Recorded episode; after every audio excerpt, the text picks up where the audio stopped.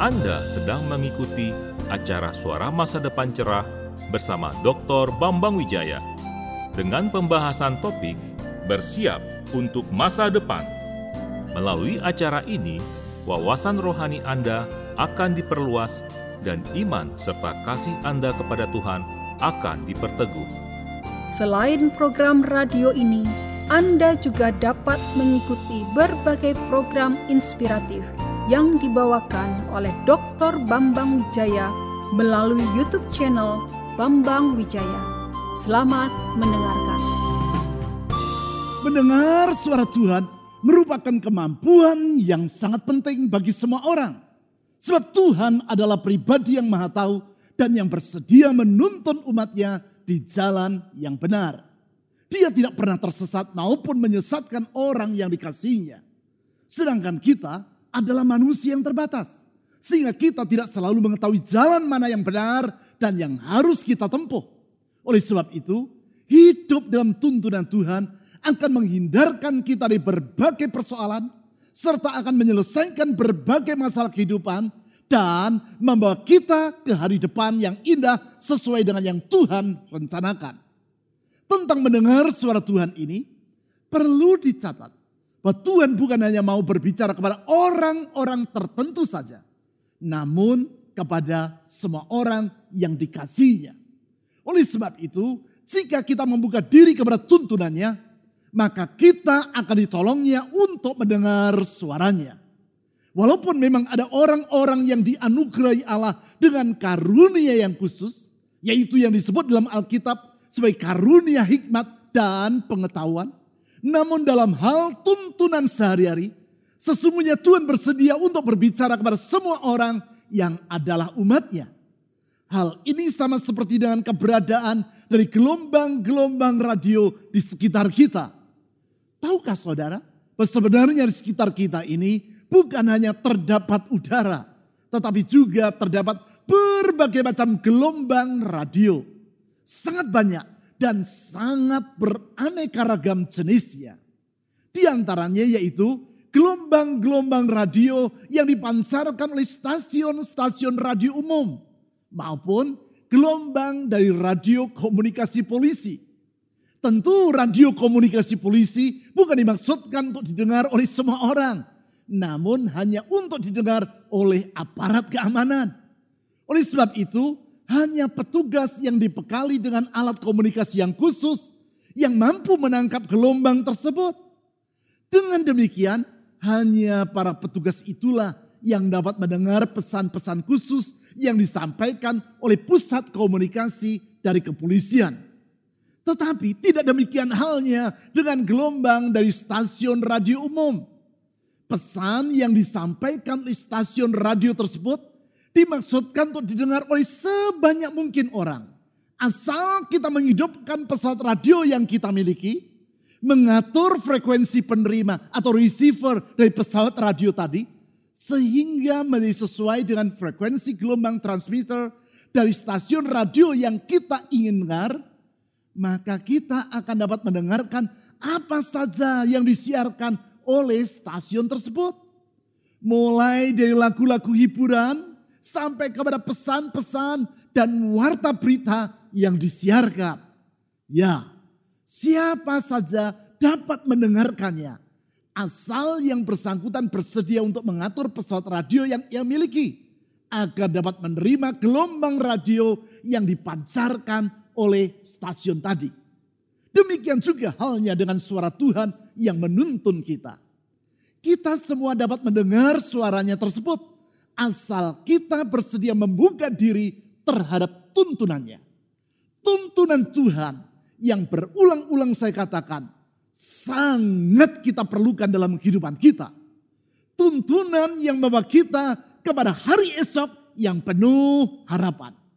Pertanyaannya sekarang adalah bagaimana kita dapat mendengar suara Tuhan tersebut? Pada minggu pertama dari bulan ini, kita telah mempelajari dari Alkitab bahwa Tuhan masih berbicara sampai hari ini. Bukan hanya berbicara secara umum, tetapi juga berbicara secara spesifik kepada setiap orang sesuai dengan kebutuhan mereka masing-masing. Kemudian pada minggu yang kedua kita telah mempelajari tentang bagaimana cara Tuhan dalam berbicara kepada kita di masa kini. Kedua pembahasan tersebut sangat penting sebab menjadi landasan bagi kita untuk mempelajari pokok yang akan kita bahas pada hari ini, yaitu tentang bagaimana kita dapat mendengar tuntunan Tuhan bagi hidup kita di masa sekarang. Untuk mempelajari hal tersebut, saya mengajak saudara untuk melihat apa yang dinasihatkan kepada Samuel. Seorang bocah yang diriwayatkan di dalam kitab perjanjian lama dan yang diserahkan oleh orang tuanya untuk melayani Tuhan di kemah suci. Di situ Samuel hidup di bawah pengawasan dari imam besar Eli yang saat itu usianya sudah sangat lanjut.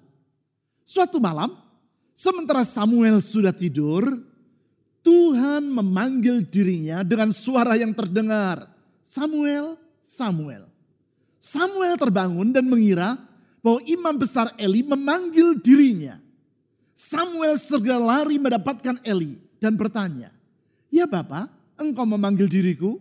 Eli menjawab, Aku tidak memanggil, pergi dan tidurlah kembali. Samuel kembali ke tempat tidurnya. Dan Tuhan kembali memanggil Samuel. Dan Samuel karena tidak mengetahui bahwa itu adalah suara Tuhan, segera berlari mendapatkan Eli. Seperti sebelumnya, imam besar Eli berkata bahwa ia tidak memanggil Samuel dan menyuruh Samuel untuk tidur kembali. Demikianlah hal tersebut terjadi tiga kali berturut-turut dan imam besar Eli menjadi sadar bahwa Tuhanlah yang memanggil serta hendak berbicara kepada Samuel. Oleh sebab itu, sekarang ia mengajar Samuel tentang apa yang harus dilakukan oleh Samuel guna mendengar suara Tuhan. Tentang hal ini, mari kita membaca 1 Samuel pasal 3 ayat 8 sampai 11a atau ayat 11 kalimat pertama. 1 Samuel pasal 3 ayat 8 sampai 11a. Dan Tuhan memanggil Samuel sekali lagi untuk ketiga kalinya. Ia pun bangunlah, lalu pergi mendapatkan Eli. Serta katanya, ya Bapak, bukankah Bapak memanggil aku? Lalu mengertilah Eli bahwa Tuhanlah yang memanggil anak itu. Sebab itu berkatalah Eli kepada Samuel, pergilah tidur. Dan apabila ia memanggil engkau, katakanlah, berbicaralah Tuhan, sebab hambamu ini mendengar. Maka pergilah Samuel dan tidurlah ia di tempat tidurnya. Ayat 10. Lalu datanglah Tuhan berdiri di sana dan memanggil seperti yang sudah-sudah. Samuel, Samuel. Dan Samuel menjawab. Mari kita baca bersama jawaban Samuel ini. Dengan suara yang nyaring di mana pun saudara sedang berada saat ini. Baca bersama saya. Berbicaralah. Sebab hambamu ini mendengar. Lalu berfirmanlah Tuhan kepada Samuel. Kalimat yang diucapkan oleh Samuel sesuai dengan yang diajarkan oleh imam besar Eli ini, menuntun kita kepada tiga sikap yang harus ada pada diri kita dan yang akan memungkinkan kita untuk mendengar suara Tuhan.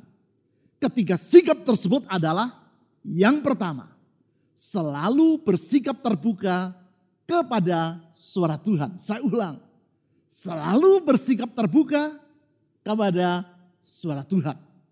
Itulah yang dimaksudkan dengan kata tulisan dalam bahasa Inggris. Dan bukan sekadar to hear. To hear adalah mendengar bunyi dengan telinga jasmania. Sedangkan tulisan lebih dari sekadar mendengar bunyi. Tetapi di dalamnya terkandung makna menyimak, memperhatikan, dan berupaya untuk memahami pesan yang disampaikan lewat suara tadi. Memang dalam realitas tidak sedikit orang yang hanya sekadar hearing. Tetapi tidak benar-benar listening. Sehingga walaupun yang bersangkutan mendengar, tetapi ia tidak mendengar. Maksudnya, dengan telinganya ia mendengar suara atau bunyi dari orang yang sedang berbicara kepadanya.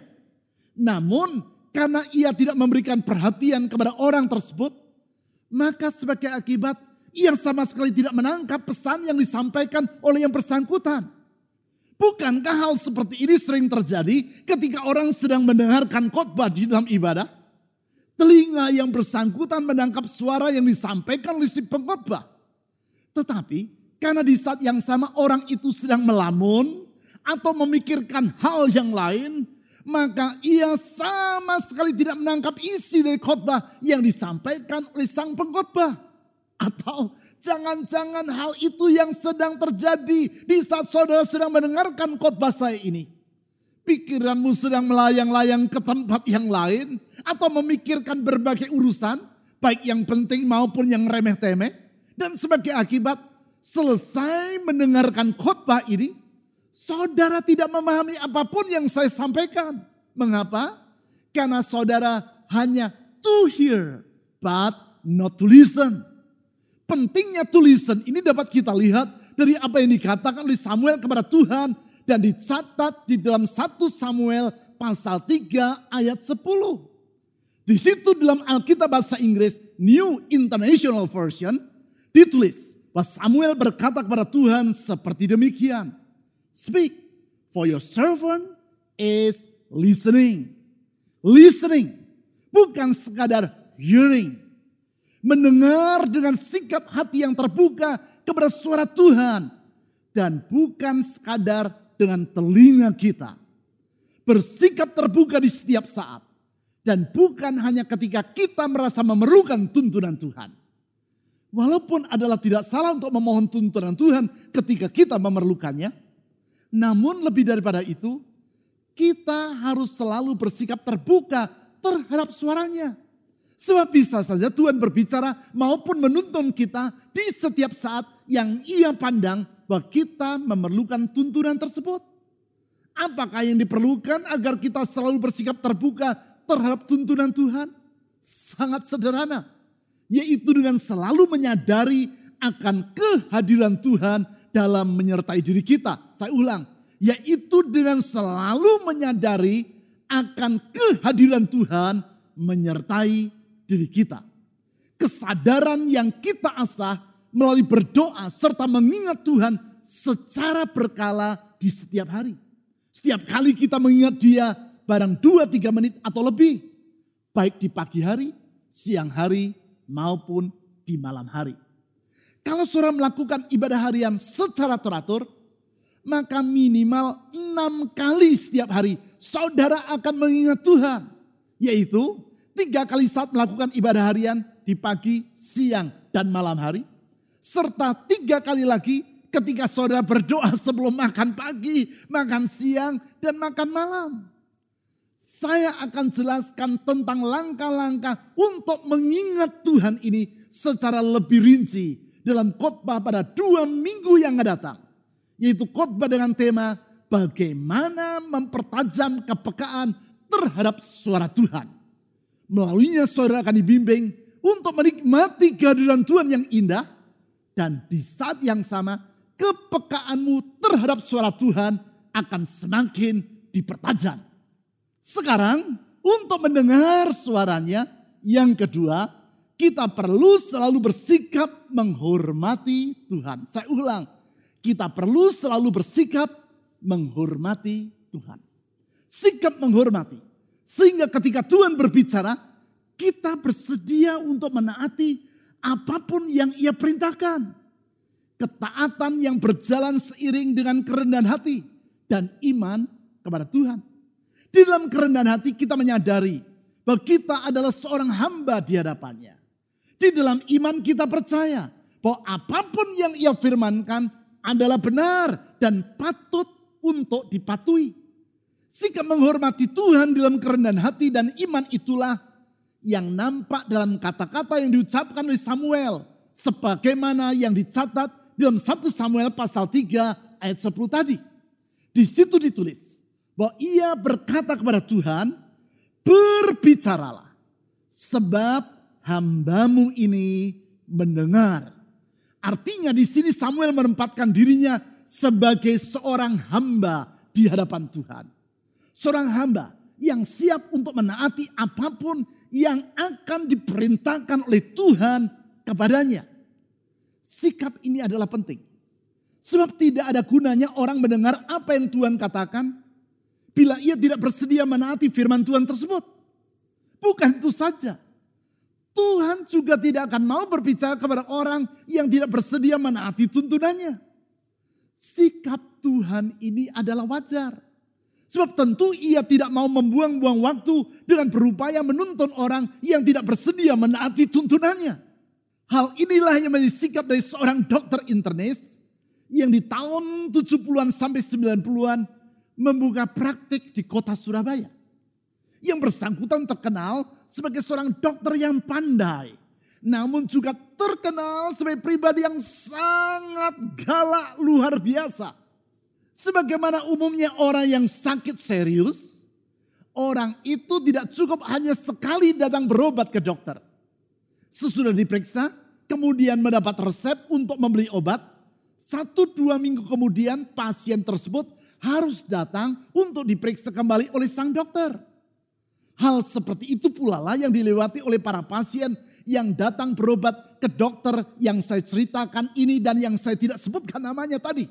Nah, ketika seorang pasien datang untuk kedua kalinya, sebagaimana lazimnya yang juga dilakukan oleh dokter-dokter yang lain, dokter yang saya ceritakan ini akan membaca kartu catatan pemeriksaan dan pengobatan yang telah ia lakukan sebelumnya terhadap si pasien. Kemudian ia akan bertanya, obat-obat yang sudah saya berikan minggu yang lalu, sudah diminum belum? Dan nasihat saya sudah dijalankan belum? Kalau si pasien menjawab, belum dok. Maka tanpa banyak berkata-kata lagi, sang dokter yang terkenal pandai dan sangat galak ini akan langsung berkata, baik, kalau begitu silakan pulang. Kamu cari dokter yang lain saja. Tidak usah berobat kepada saya. Singkat kata, ia langsung mengusir pasien tersebut dan menyuruh yang bersangkutan pulang tanpa usah membayar. Maksud sang dokter, kalau kita tidak bersedia mematuhi arahan yang telah dia berikan, maka nasihat medis apa pun yang ia sampaikan tidaklah ada gunanya. Dan karena itu, ia tidak mau membuang-buang waktunya dengan memberi advis lebih lanjut kepada pasien tadi. Demikian juga dengan Tuhan.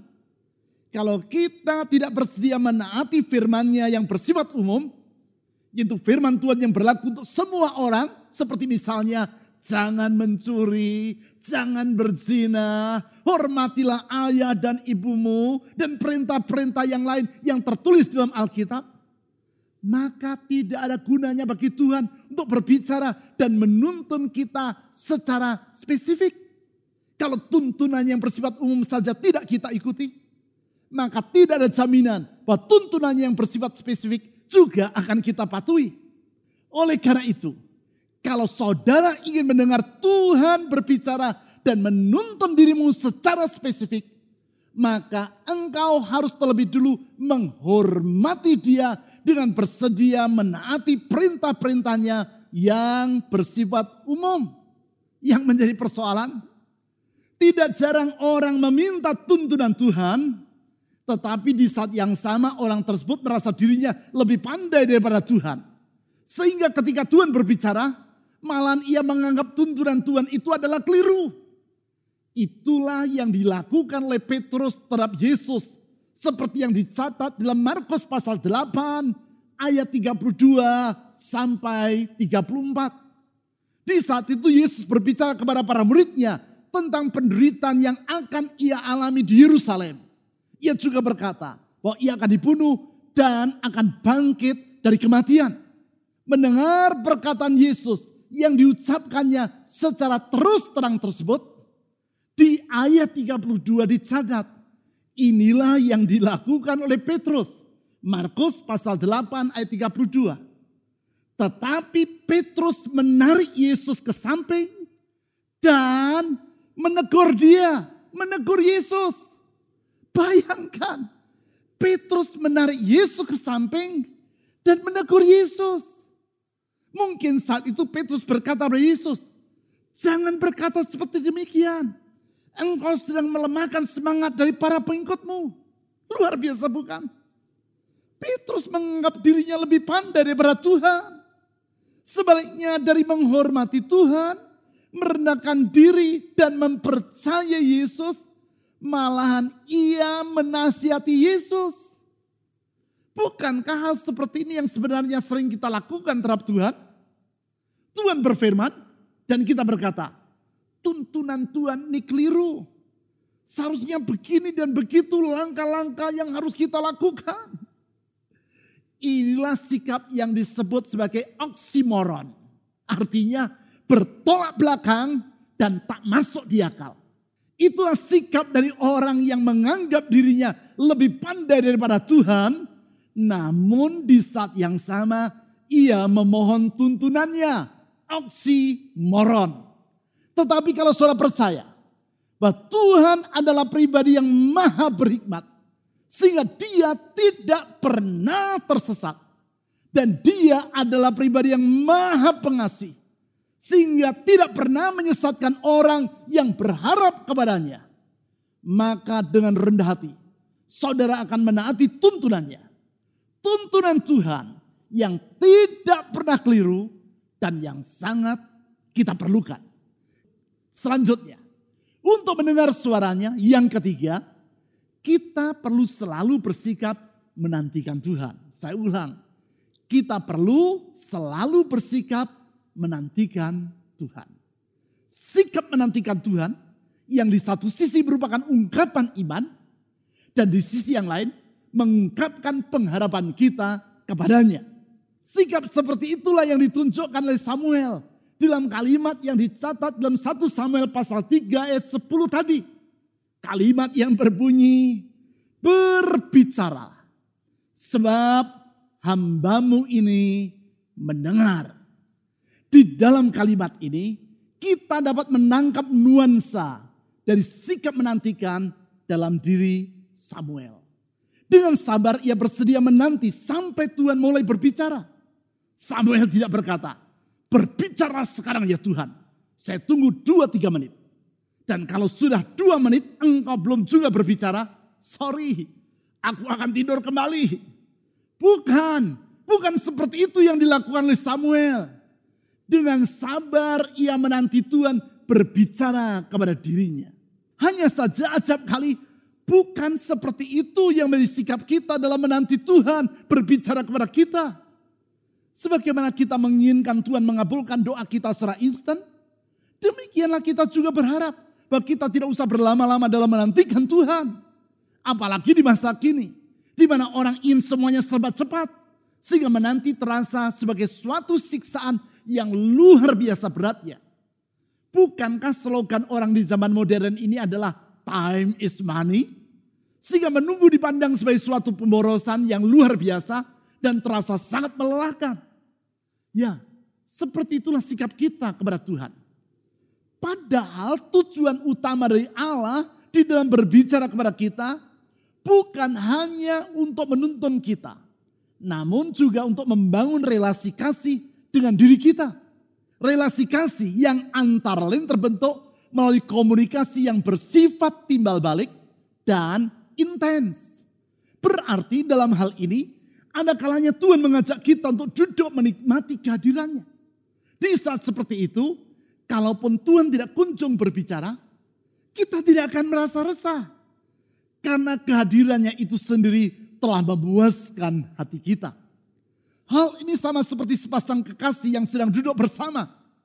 Di saat seperti itu, kalaupun mereka diam tak bersuara, sesungguhnya hati mereka sedang bercakap-cakap satu sama lain. Diam tapi bersuara, yaitu suara hati. Tak berbicara, namun bercakap-cakap dengan hati. Bukan itu saja, mereka berdua sangat menikmati saat kebersamaan itu. Tak mungkin kalau mereka saling mengasihi, maka yang seorang akan berkata, ayo dong cepat ngomong. Aku sedang banyak urusan nih. Kalau kamu tidak segera bicara, aku tinggal dulu. Karena aku ada urusan yang lebih penting. Tidak mungkin. Terhadap orang yang saudara kasihi, tidak mungkin saudara akan berkata seperti itu. Sebaliknya dengan sabar saudara akan duduk menanti sampai ia berbicara. Sebab di saat menanti itu pun saudara dapat menikmati kehadirannya. Begitulah seharusnya sikap kita dalam menantikan Tuhan. Di dalam Amsal pasal 8 ayat 34 sampai 35 ditulis bahwa orang yang dengan sabar menantikan tuntunan dari hikmat Tuhan akan hidup berbahagia. Mari kita baca janji Tuhan tersebut. Amsal pasal 8 ayat 34 sampai 35. Berbahagialah orang yang mendengarkan daku. Yang dimaksudkan dengan daku atau aku di sini menurut ayat 22 adalah sang hikmat yang merupakan personifikasi dari Yesus Kristus. Mari kita baca kembali kalimat tadi dengan memahami siapakah yang dimaksudkan dengan daku atau aku yang perlu kita dengar suaranya tersebut. Ayat 34. Berbahagialah orang yang mendengarkan daku. Itulah Yesus Kristus, sang hikmat Allah yang setiap hari menunggu pada pintuku. Perhatikan, menunggu pada pintuku. Yang menjaga tiang pintu gerbangku. Karena siapa mendapatkan aku? Mendapatkan hidup. Dan Tuhan berkenan akan dia. Dari ayat-ayat ini kita dapat melihat janji Kristus terhadap orang yang menunggu atau menantikan dia berbicara penantian yang tidak akan sia-sia. Sebab Tuhan pasti akan berbicara tepat pada waktunya. Dan orang yang mendengarkan tuntunannya disebut sebagai orang yang berbahagia. Yang bersangkutan akan mendapatkan hidup.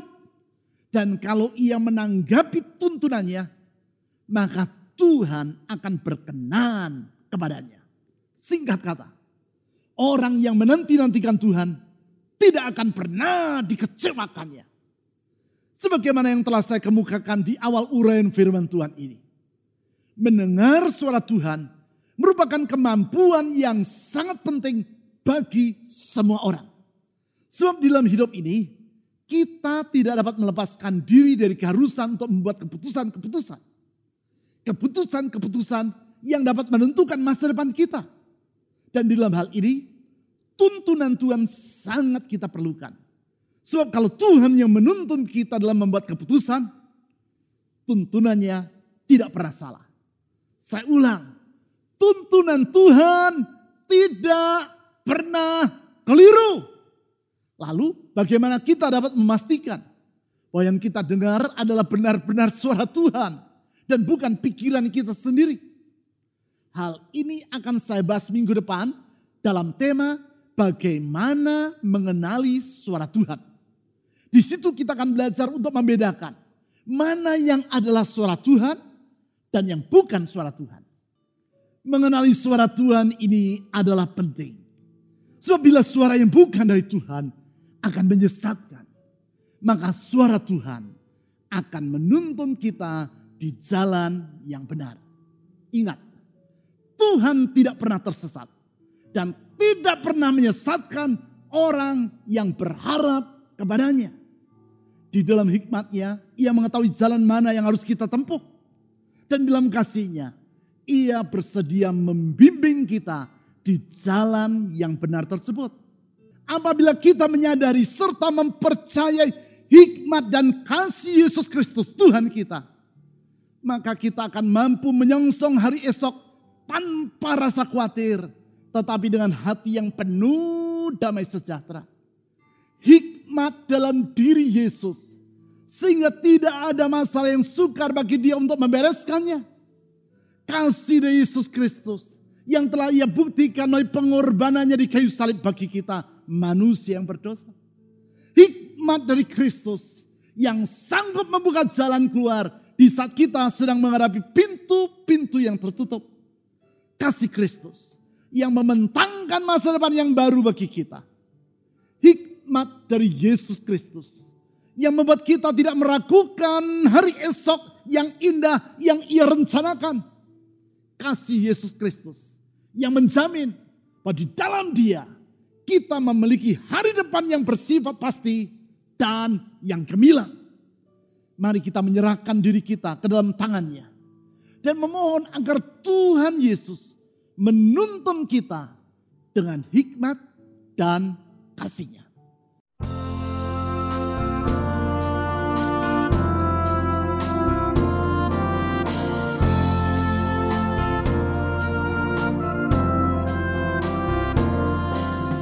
Anda telah mendengarkan acara Suara Masa Depan Cerah dengan pembahasan topik Bersiap untuk Masa Depan. Pekan yang akan datang, Dr. Bambang Wijaya akan melanjutkan topik tersebut pada hari, jam, dan gelombang radio yang sama. Pastikan Anda mengikutinya. Selain program ini, Anda juga dapat mengikuti berbagai program inspiratif yang dibawakan oleh Dr. Bambang Wijaya melalui YouTube channel Bambang Wijaya. Program-program video di dalam kanal YouTube Bambang Wijaya tersebut akan meneguhkan iman Anda. Bila Anda ingin menghubungi Dr. Bambang Wijaya, silahkan Anda menghubunginya melalui WA ke nomor telepon 0811 309 077. Sampai berjumpa pada pekan yang akan datang. Tuhan memberkati.